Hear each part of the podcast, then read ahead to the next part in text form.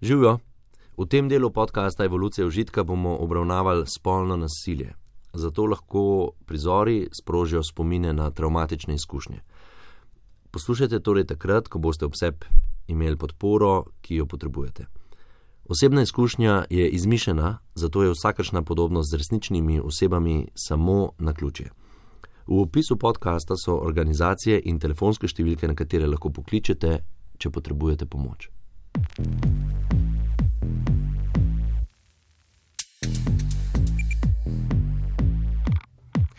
Živijo, jaz sem Eva. In jaz sem Luka. Preizkušava novo raziskovalno metodo. Vstopiva v telo drugega in Odkrivava misli, želje, potrebe, občutiva dotike, vonje, okuse eden od naju gre torej na teren, na teren.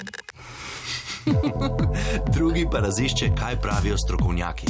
Nekakšno opazovanje z udeležbo. Kaj raziskujeva? Seks. Evolucija užitka. Podcast prvega programa Radia Slovenija.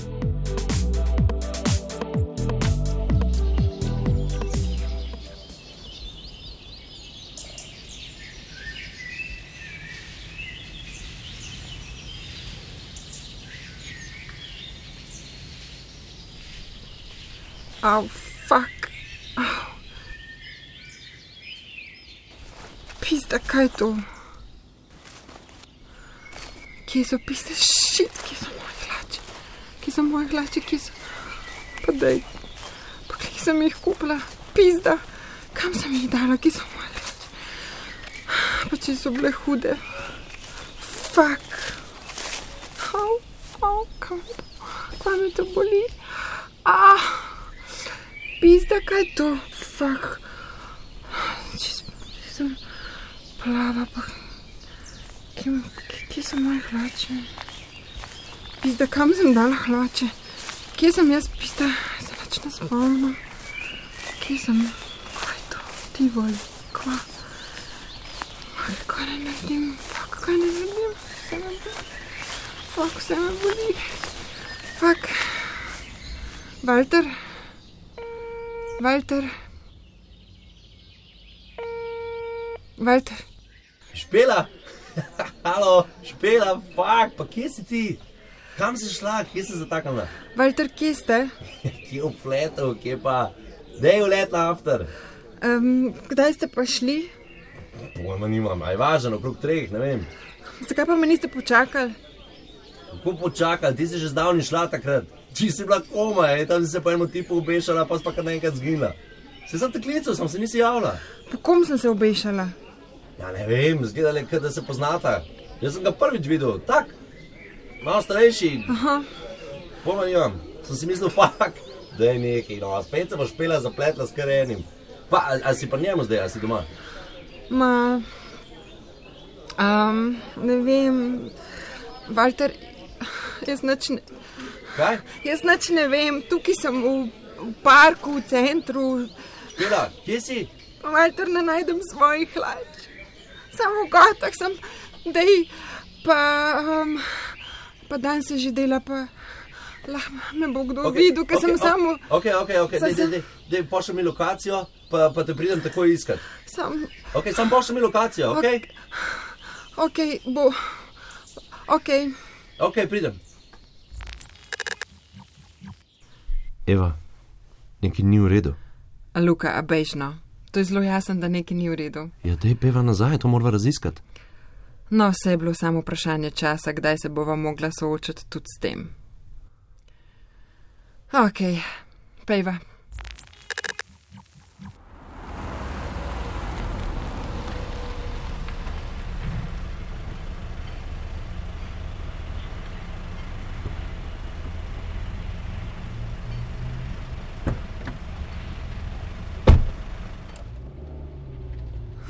Walter, Da, kaj imaš trenirko? ja, hvala, dej, um, dej greva še do lekarne. Zdaj ne, takoj. Kaj, v, v dežurno ali kaj? A, Fak, sorry, a te kaj boli? A, kaj, jaz, imam, jaz imam doma neke tablete, pa neke te painkillerje. pa Ja, ampak uh, jutranje tabletke zihar nimaš. Aha, um, misliš, da rabaš? Misliš, no, fakat, je un tip kaj naredil? Valter, jaz, jaz nimam pojma, nimam pojma, kaj se je dogajalo, se nič ne spomnim. Ampak jaz, mene ful boli, od, od, od pasu navzdol. Fak nimam denarnice, ni evruzak, pizda, no še to ali kaj. Dej, a mi posodeš keš, prosim, ker Ja, ne vem, koliko ne vem, koliko stane. Valjda, valjda ni problema, ja. Valjda. Um, Eva, čakaj, zakaj pa, zakaj pa špela rab denar? Ja, zato ker mora plačati. Kako? A ni zastojn, nujna kontracepcija? Mislim, a ne krije zdravstveno zavarovanje tega? Ne, jutranje tabletke ne. Um, je pa brezplačen maternični vložek, ki ga ženski do tri dni po nezaščitenem spolnem odnosu lahko ustav osebni ginekolog ali ginekologinja. Ma pa enak učink, prepreč ugnezdenje oplojenega jajčica in nenačrtovano nosečnost. Ah, v glavnem, dej se bova o tem pogovarjala kasneje. Pejva nazaj. Ok, ok.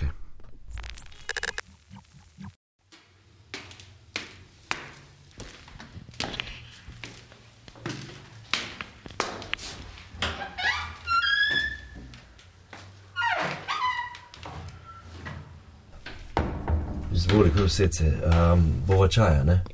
Ja, prosim. Ej, kdaj pa prijeta tvoja dva? Zvečer, tako kot vedno, to sploh ne skrb glede tega. Ok, zdaj pa. Um, kaj se je sploh zgodilo včeraj? Ne vem. Le, vse je bilo ok.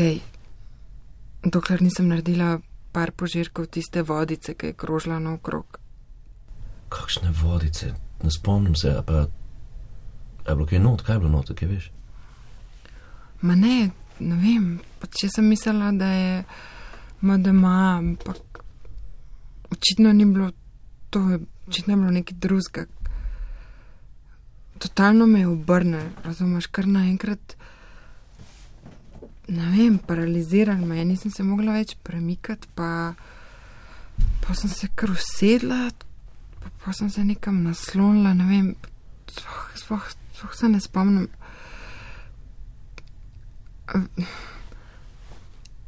Res pa, pa, pa totalen blackout in pa se zbudim v parku in, in grozen. Sploh ne vem, Walter, grozen. Tam sem imela tangice, sem imela tam pregležnih, pa, pa sem iskala svoje hlače. Jaz, jaz sploh ne vem, kaj se je dogajalo, razumeš? Jaz, jaz nič ne vem, jaz imam totalno črno luknjo. To, Pa kako, mislim, skupaj smo not prišli, full gužva, plesali smo, da best je bilo in, in, in pol si bila z unim tipom. ček, skirim. Jaz ke se sploh ne, spomnim, kakšen je bil ta tip, daj povej mi. Ne vem, ker ga ne poznam ga, pač, kaj pa jaz vem, pa full je bilo temno, ne spomnim se, en tip. k- Kaj sem, kaj sem pa jaz delala? Ja, tam si bila z njim, pa po njem si se obešala, pa mislim, jaz sem mislil, da ti je debes, da ti dogaja. Pa sta pa kar naenkrat zginila in, in, in, in, pol, ko smo odhajali, sem te iskal, pa te sploh nisem našel, pa na telefon se mi nisi javljala, pa pač fule bo čuden, da si kar šla, pa tega nikoli ne narediš. A veš, vedno rečeš adijo, preden greš. Fak. Fak. Ok, um, po moje bi bilo dobro, da greš k zdravnici. Špela, pa na policijo tudi. Pizda. Je, jaz se res ne bi zdaj s tem ukvarjala, Walter, razumeš? Jaz, jaz nimam časa zdaj le za to, jaz moram faks končati. Vem. Pa, glih se je začel, pa še, le še zadnji Razumem, res se nočem se ukvarjati. Z enim kretenom, razumeš? A, razumem, ampak. Debilom, razumeš, psihopatom, pizda, ampak- izmečkom te. Kje, oh, kje imaš polšter, boksi v polšter. Vse bo v redu, no. Res, vse bo še v redu. Nič ne bo v redu. Špila.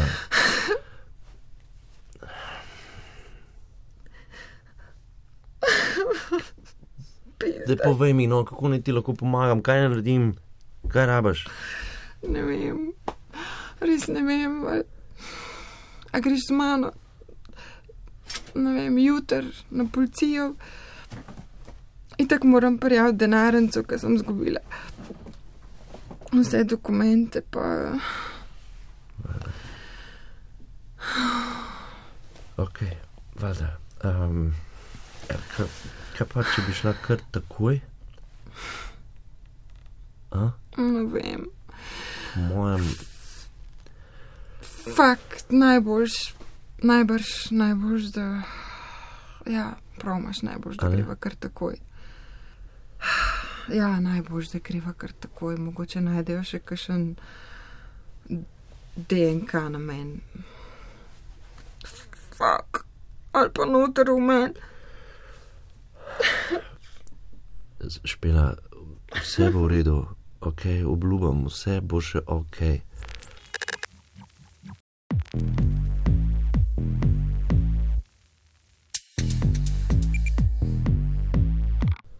Uf, Eva, um, kaj pa zdaj? Ne vem, um, da je bova videla. Grem jaz nazaj. Ok, ok, jaz pa k strokovnjakinjam in strokovnjakom. Ja, tu sta uh, Mina Paš, Drogart in Kristina Krajnc, 8. marc. In Luka, nujno moraš k njima, da razložita, kaj je s tem podtikanjem in kaj pomeni model. Samo ja pomeni ja. Razumem.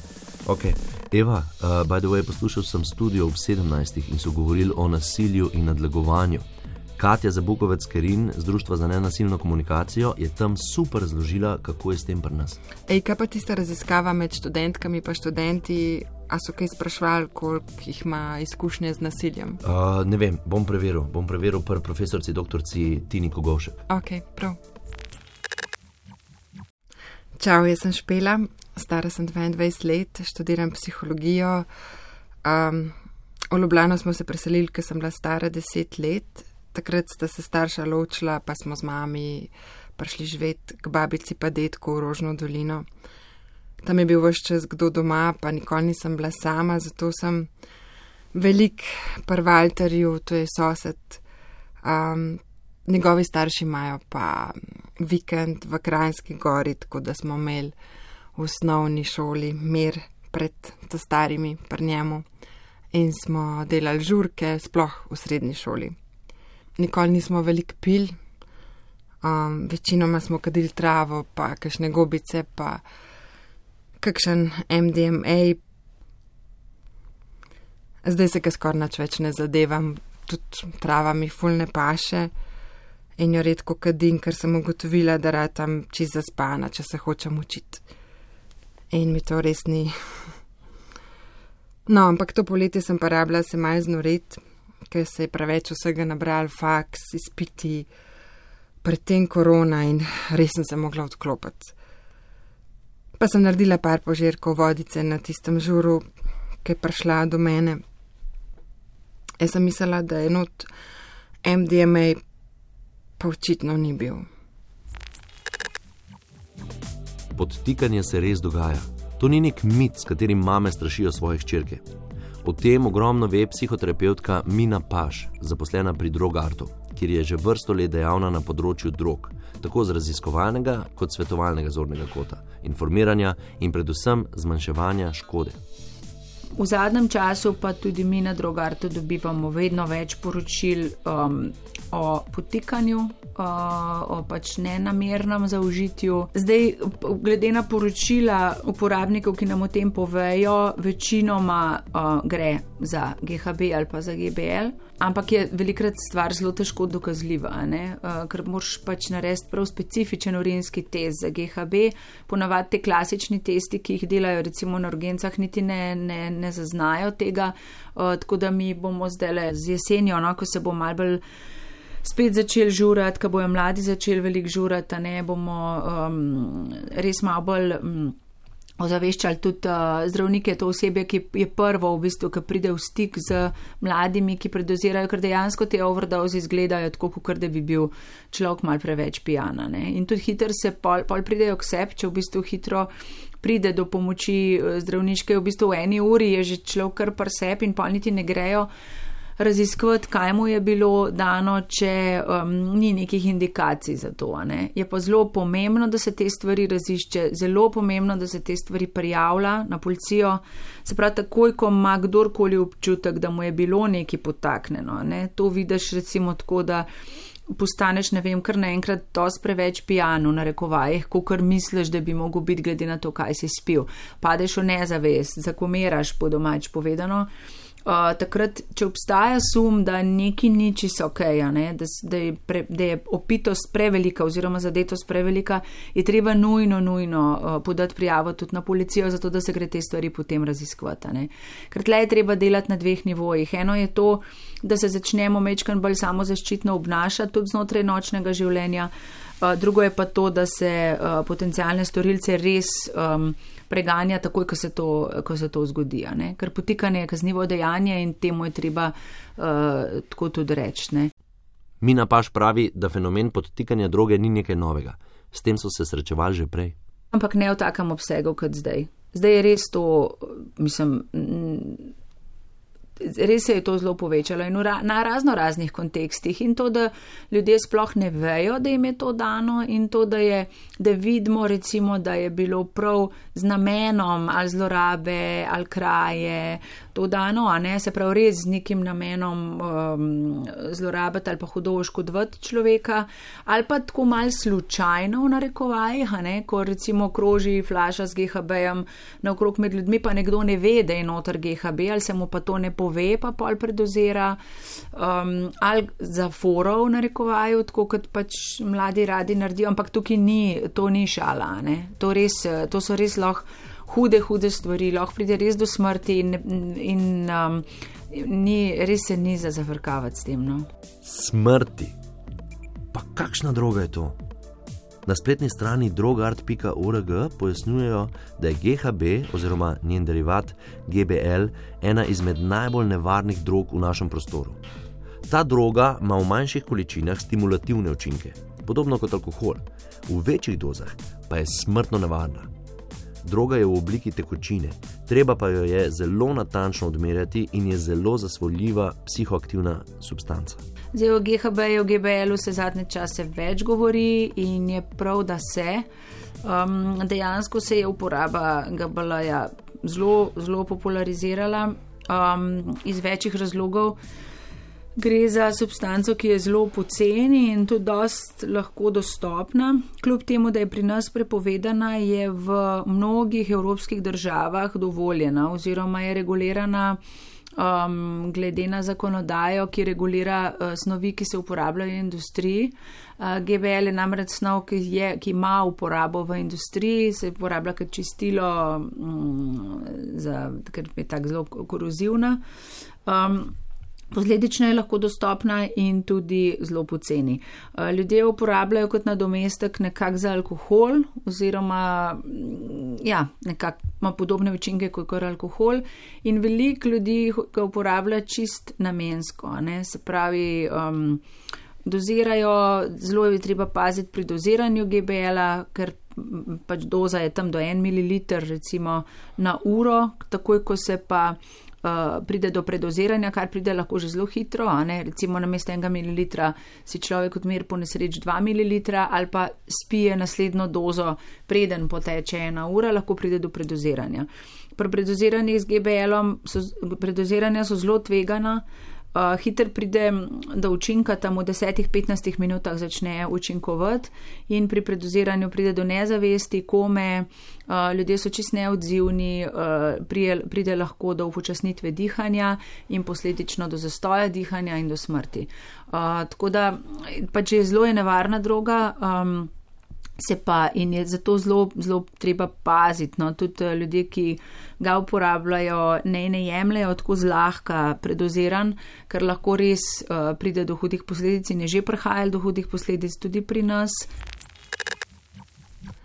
Po mojem ne bi šla na policijo, če mi ne bi zginila denarnica. Noč sem imela osebno, pa vozniško, pa bančno, pa študentsko, mislim, čisto vse še zdaj ne vem, ali sem jo kje pozabila, ali sem jo zgubila, ali mi jo je kdo ukradel.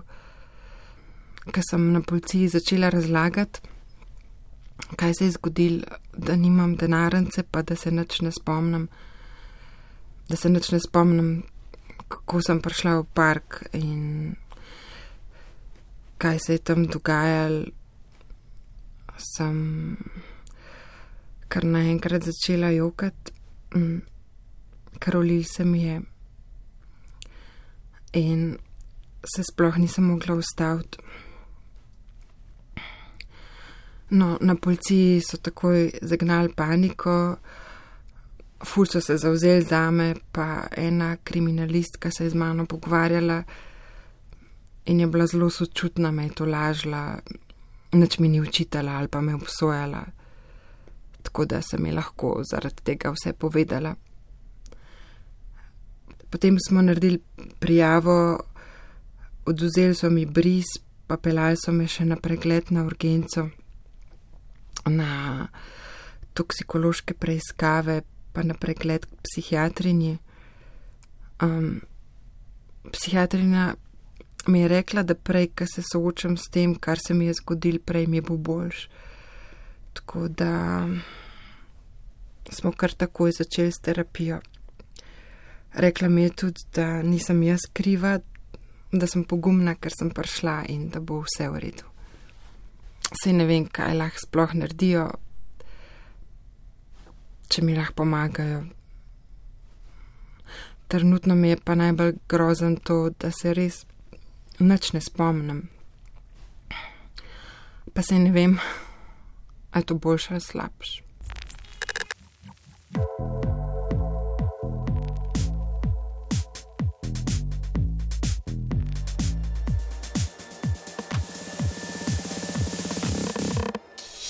Lani smo dobili redefinicijo kaznivega dejanja spolnega napada in posilstva po modelu Samo ja pomeni ja.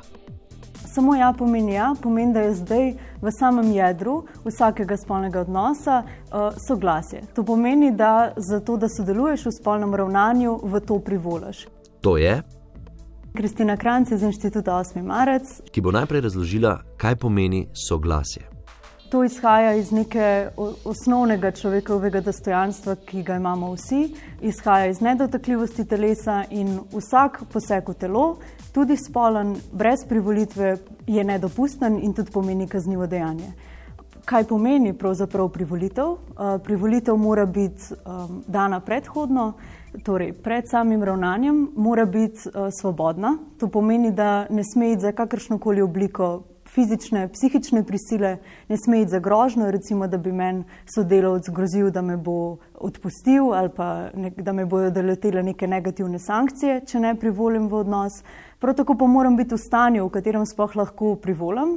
To je recimo, če gre za osebo, ki je pijana, ki spi, ki je zadrogirana, hipnotizirana, takrat ne more soglašati in ne more tudi uh, pravo tega ne upošteva. Ne?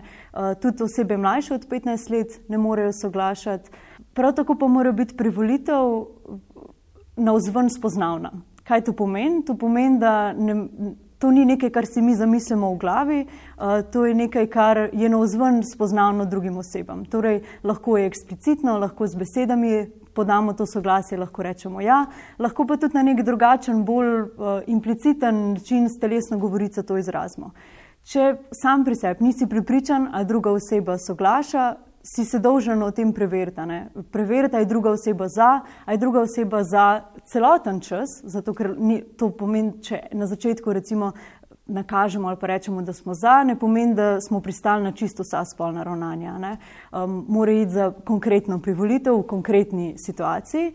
Dolžni smo se o tem prepričati, zaradi tega, ker je v bistvu na drugi strani oseba, ki ob nekih nekonsenzualnih spolnih odnosih doživlja velike stiske. To pušča na osebah, ki se jim to zgodi, uh, močne psihične, tudi fizične posledice, uh, vpliva na njihov spolni razvoj, zlasti če gre za neko mlado osebo. Uh, zato je neka pripričanost, da je oseba res soglaša v to minimum. Um, Hodla sem še povedati, kaj ne pomeni soglasje. Um, to recimo, da uh, greš s fantom v njegovo stanovanje, ne pomeni, da soglašaš, to, da piješ alkohol, ne pomeni, da soglašaš, to, da um, imaš oblečeno čipkasto perilo, da ne nosiš modrčka, nič od tega ne pomeni soglasje. Soglasje je dano v uh, konkretnih okoliščinah glede konkretnih spolnih ravnanj. Ja, kaj pa pravzaprav spreminja model, samo ja pomeni ja? Ali ni že več čas tako? Mislimo, da se za večino ljudi s to spremembo, ja, pomeni, da ja, ni spremenili nič, zaradi tega, ker mi imamo v nekih zdravih odnosih konsenzualne spolne odnose. Spremenil pa se je pač za žrtve posilstva, za osebe, ki recimo utrpnejo, ne morejo reči ne, od, od strahu, a ne utrpnejo, ne morejo reči ne ali pa se ne morejo upirati in takrat bo v jedru samega nekega postopka odkrivanja, je res prišlo do nekega spolnega nasilja, to, a je oseba s tem soglašala, a je rekla ja, a ne. Kako zdaj o tem zaveščati? Definitivno je en velik napredek to, da se o tem odprto pogovarjamo. In tudi ta sam model predpostavlja, da, ma, da smo zmožni nekega dialoga okrog tega, da ni zdaj vse vedno zavito v mok in to, da se v bistvu ne rabimo o ničemer pogovarjati. Ne? Ker to, da imamo toliko velik nekega spolnega nasilja, je tudi odraz tega, da ne znamo na nek zdrav način govoriti o spolnosti.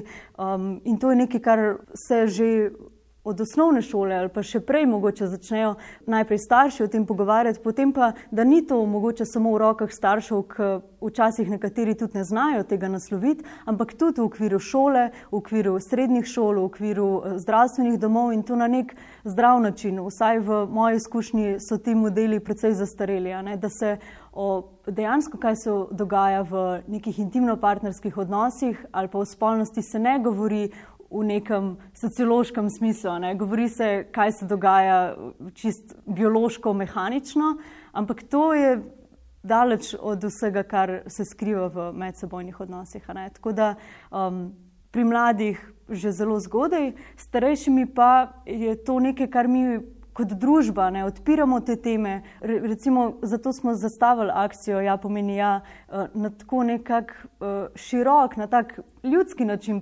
ne, zato da je to prišlo v različne kraje, da so prihajali neki uh, ljudje nazaj domov, pa se pogovarjali s svojimi starši o tem, z, recimo starši, ki so mogoče doživljali spolno nasilje, pa ni bilo nikoli obravnavano. Um, ali pa tudi to včasih se zgodi, da bereš na nekih forumih, da gospe v srednjih letih pač eh, sprašujejo, če morajo imeti pravzaprav vedno spolne odnose s svojim možem. A, a je to, a sploh lahko rečeš v bistvu ne, če si poročena. Ne? Tako take stvari v bistvu neke te generacije niso takih tem odpirale in to se poznane. Um, tako da kolektivno govoriti o tem, mediji, ki poročajo o tem na nek uh, celosten način, ne samo v, v okviru nekih škandalov. Ne. Še vedno na polno krvavim zaradi jutranje tabletke. Drugače sem pa ok, mislim, fizično mi ni več slabo. Se pa spomnim, ker sem jutranjo tabletko že vzela enkrat v srednji šoli in takrat mi je bilo res ful hujš, ful mi je bilo slabo, pa zvijal me je, pa v šoli sem v VC-ju skapadla. Katastrofa. Sploh ne vem, zakaj sem nehala jesti kontracepcijske tabletke, mislim, kar neki. Sem si mislila, ker nisem več v resni zvezi, če bom seksala, bom pa itek s kondomom, mislim, to itek, zato da ne stakneš, a ne kakšnih virusov.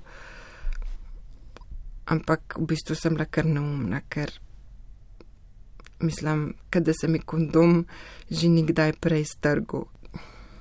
Spomnim se, da se mi je enkrat zelo razcefral, ker sva z enim modelom seksala in mu kar ni prišlo in je kar nabil fakt, ko sto let, pa sploh ni poštekel, da mi nikul. Jaz mu pa tudi nisem nič rekla, da ga ne bi užala, pač beden seks, kaj ne rečem, se je bilo velikrat tako, na suho pa čist brez feelinga. No, če razmišljam za nazaj, se mi zdi pa, da bi bilo bož, če bi še naprej imala tabletke, ne, tudi če nimam resnega partnerja.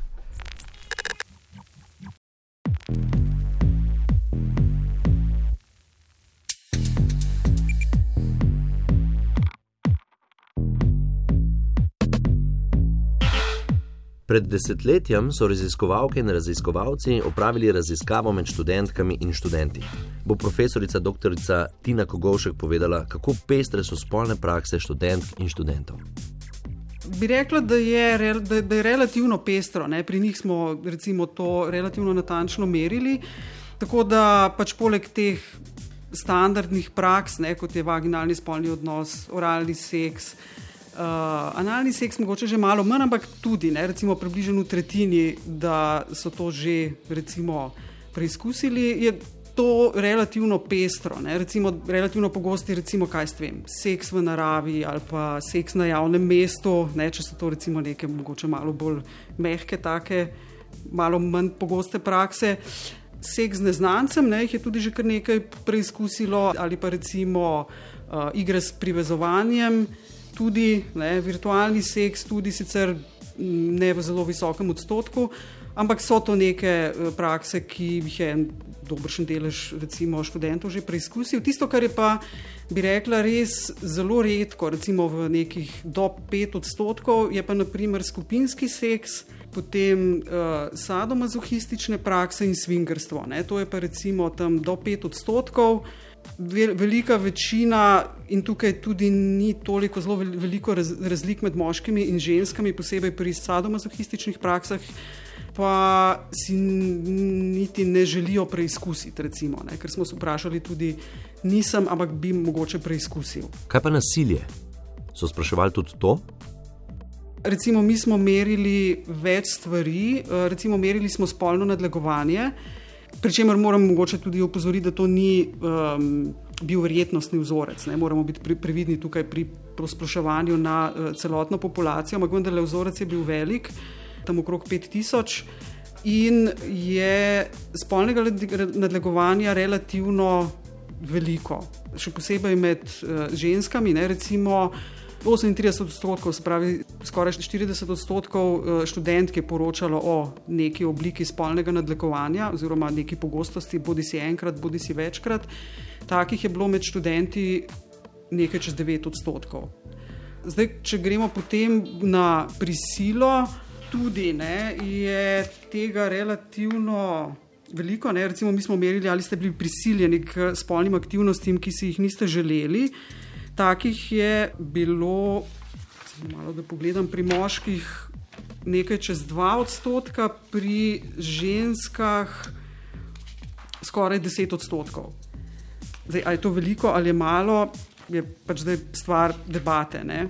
Merili smo pa tudi, uh, ali so bili žrtev posilstva, um, pri čemer so študenti odgovorili z da v devetih odstotkih in nadaljnih devet odstotkov je recimo tudi odgovorilo, ne želim odgovoriti. Ne. To je morda tudi en tak poveden odgovor, da je tukaj nekaj, neko nelagodje v zvezi z uh, to tematiko, medtem ko je uh, med uh, študentkami bilo žrtev posilstva 17 odstotkov, vsaj po teh podatkih.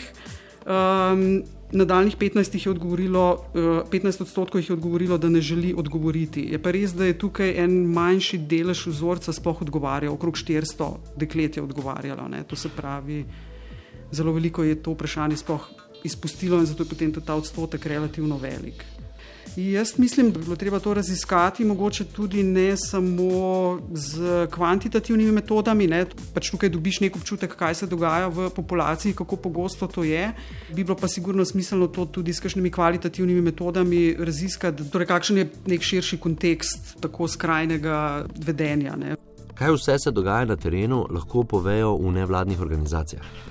Katja Zabukovec Kerin iz Društva za nenasilno komunikacijo je v oddaji Studio ob 17. poudarila, da se o vseh teh stvarih ne pogovarjamo sistematično in problematike nasilja ne naslavljamo celovito. To je slabše, predvsem za punce.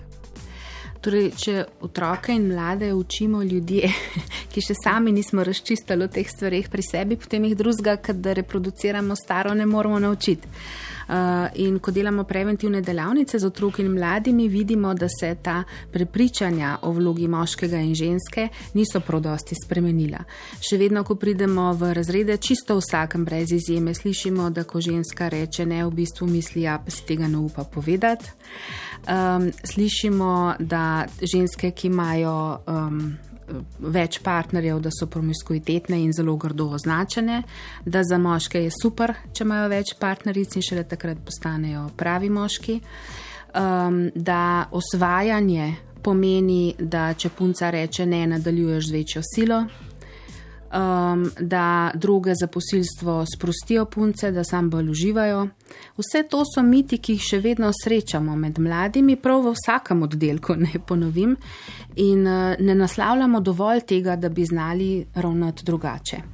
In kakšna delavnica tukaj in tam, uh, izvedena na tej ali oni šoli, zagotovo ne bo povzročila nekega velikega premika v tej generaciji. Naša izkušnja, izkušnja nevladnih organizacij je, da se zatakne pri, odloč, pri političnih odločevalkah in odločevalcih, da zato enostavno ni dovolj posluha, posluha ne na ministrstvu, ne na zavodu za šolstvo, nikjer, kjer bi, kjer bi pričakovali, da posluh bo, da nas prepričujejo zdaj že dve leti, ker aktivno delamo na tem, da bi s tem bolj prodrli v šole, bolj sistematično uh, naslavljali te uh, zadeve, pa nas prepričujejo, da so šolski kurikulumi pre, prepolni informacij in da zato enostavno ni prostora, da tisti dve uri, ki jih namenijo temu v devetih letih osnovnošolskega izobraževanja, pa zadoščajo, da se to skozi naslavljajo v nestrukturiranih delih, kar pa ne drži, sicer bi se že poznali premiki. Uh, tako da tukaj uh, smo nevladne organizacije izjemno razočarane nad odzivom političnih odločevalk in odločevalcev in pričakujemo pomembne spremembe, če želimo temo resno naslavljati.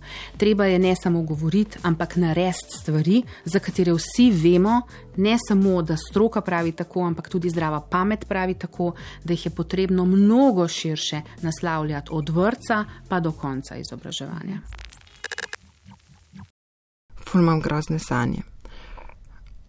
Ležim na travi, pa tema je nad mano neko drevo, en ogromen model stoji pred mano v neki čudni pozi in najprej se ful ustrašam, pa pa vidim, da je čist primer. Tako res nepremičen in zaštekam v sanjah, da je to v bistvu kip. Pa pa zaslišam dihanje, pa vročo sapo na svojem vratu in zaštekam, da ta model leži na meni, da je v bistvu v meni. In ko hočem zvaliti sebe, pa sploh ne morem, pa hočem kričati, pa ne morem in sem čist paralizirana, sploh se ne morem premakniti. Ampak sem budna in vse vidim, vse čutim, kada bi me, ne vem, kada bi me nekdo prebadil z nožem. In to zdaj sanjam vsako noč, že kakšen teden in vedno isto. In vsakeč, ko se zbudim, ko ga vidim v tisto njegovo zariplo faco, ne vem, vse to me čist paralizira in sploh nikamor več nočem, nikjer se ne počutam več varno, sem sam doma, pa na faksu, pa skozi se bojim, da ga bom kje srečala. Zelo značilno je, da ko se pogovarjamo v teoriji, vsi zagovarjamo ničelno toleranco do vseh oblik spolnega nasilja. Ampak, ko se pa zgodi blizu nas, pa nenadoma najdemo veliko napak pri žrtvi, veliko stvari, ki bi jih morala žrtev narediti drugače, veliko stvari, ki so, dru so potekale drugače, kot si mi predstavljamo, da je normalno, dvomimo o motivih žrtve in se začnemo spraševati, kaj želi ta žrtev s tem pridobiti. Mislimo, da je prijava oportuno dejanje, dejanje, ki naj žrtvi prinese neko, neke prednosti. Ampak iz dela žrtvami vemo, da žrtvam prijave ne prinesejo veliko in pa zelo veliko vzamejo. Živimo v družbi, kjer si žrtve ne upajo prijavljati spolnega nasilja in, nasilja in nadlegovanja, ker mislijo, da bojo na koncu one tiste, ki bodo izgubile več kot pridobile, povzročitelj pa ne. Toleranca, namesto da bi se nižala, se toleranca do spolnega nasilja pravzaprav na nek način viša. Ki je kar pomembno, da razumemo, da gre pravzaprav za kompleksnejši, širši pojem, ki nas zanima in to je spolno nasilje nasploh. In to vključuje tako spolno nadlegovanje, ki se lahko dogaja na delovnem mestu, v študentskih vrstah, pa tudi spolno nasilje, ki se dogaja znotraj družin, incest, posilstvo, kupenih stvari, na katere včasih kar pozabljamo.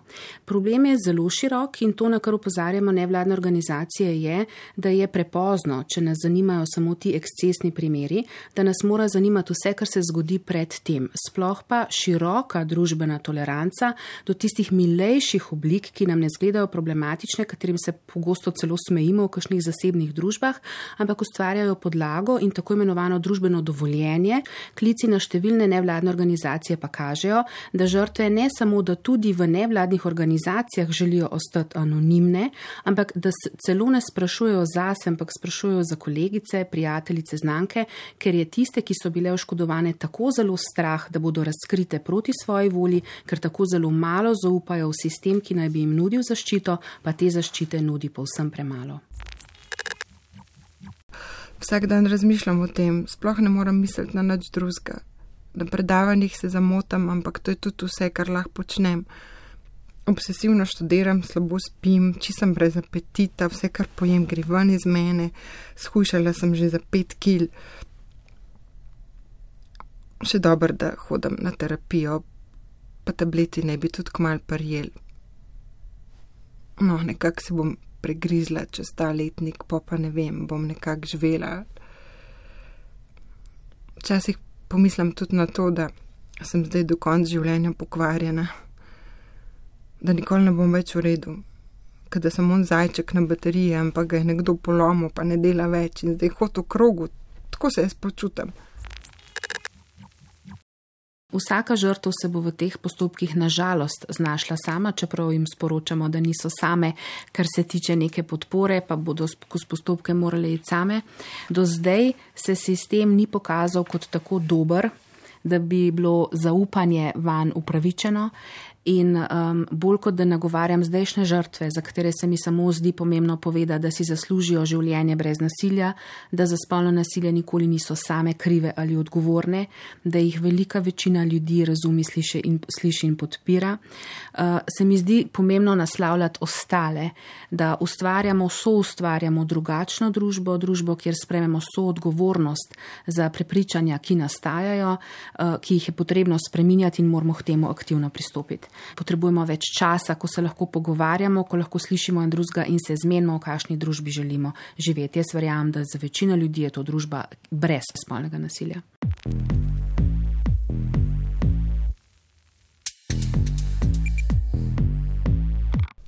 Oh. Eva, pridem. Jaz sem čist traumatizirana. Sem, groza. Ej, tale tretja sezona, v kateri raziskujeva spolne, seksualne in reproduktivne pravice žensk, naj bo čist sesula. Ja, Luka, meni je to čist grozen. Le meni se zdi tako, kot da naša družba in cel svet, da je tako en, tako kot tisti pokvarjen zajček. A drugače, veš, kaj so še ugotovili v raziskavi na študentski populaciji? Kaj? Ja, Pogotovili so to, da se res zelo malo tistih, ki so imeli izkušnjo s spolnim nasiljem, obrne na društva za pomoč žrtvam ali pa k zdravnici. Uh, in sicer to le v neki odstotkih. Uh Mhm. -huh. Na policijo je nasilje prijavilo le 6 odstotkov študentk in študentov z izkušnjo spolnega nasilja. To je izjemno slaba statistika. Meni se zdi, meni se zdi res da se mi bo utrgal.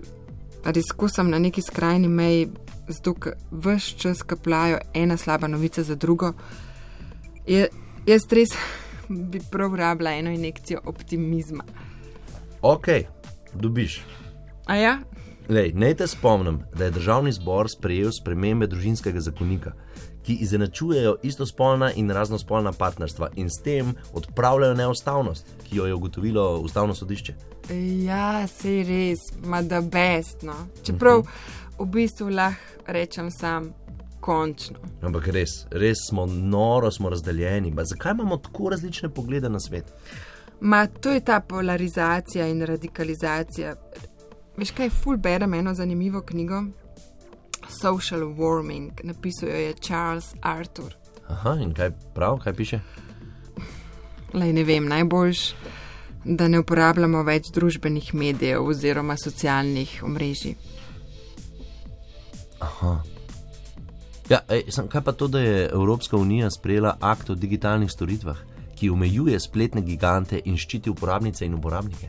A ja, Ja, regulacija. pa bo kaj spremenila. Ja, po, po moje neki že mora, ne neki bo. Ne veš, ne? Ja, ok, v bistvu ne vem, to je res, ja, ampak mislim, to ni slaba novica. Ne, slabše je zelo težko, ker pač trenutno sploh ni regulacije.